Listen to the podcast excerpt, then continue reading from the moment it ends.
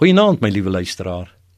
Een van die mees wonderlikste ervarings wat ons kan hê, is om in die oggende op te kan staan en dit is lig. Dat na die donker nag daar 'n heerlike nuwe dag van lig aanbreek. Het jy al dankie gesê daarvoor? God het mens en dier met iets wonderliks geskape. Ons is so gemaak, ons kan fisies sien. Ons kan lig en duisternis sien. Ons het oë gekry. En al is ons sig baie keer beperk, is ons tog grootendeels in staat om te onderskei tussen lig en duisternis.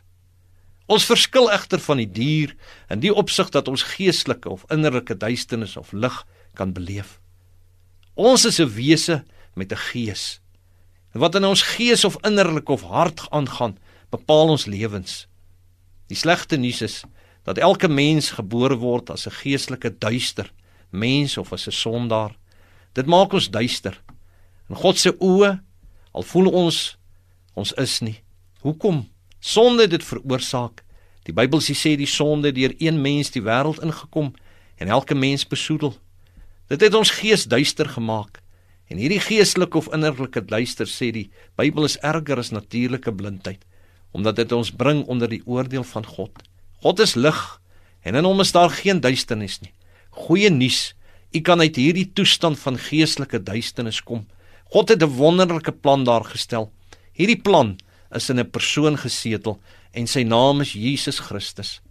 Die Bybel bevestig dit alreeds in die eerste hoofstuk van die Evangelie van Johannes wanneer Johannes skryf: Hy, die waaragtige lig wat elke mens verlig, was aankom na die wêreld.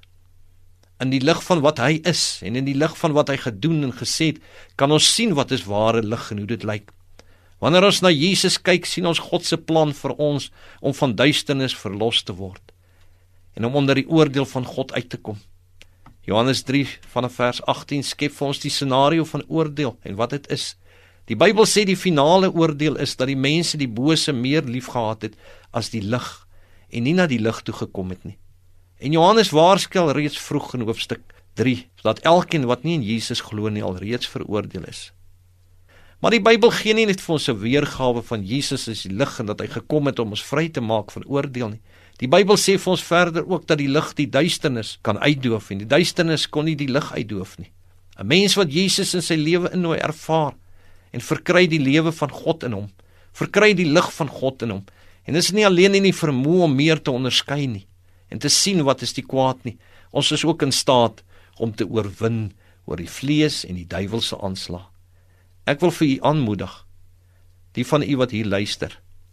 Gee jou lewe vir hom. Dis die regte ding om te doen. En vir u wat dit al gedoen het, bly in hom en hou vas aan hom. Dis die regte ding om te doen. Kom ons bid saam. Dankie liewe Here dat ons lig het.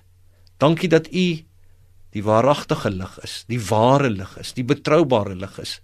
Dankie dat ons kan sien wat is lig. In Jesus naam. Amen.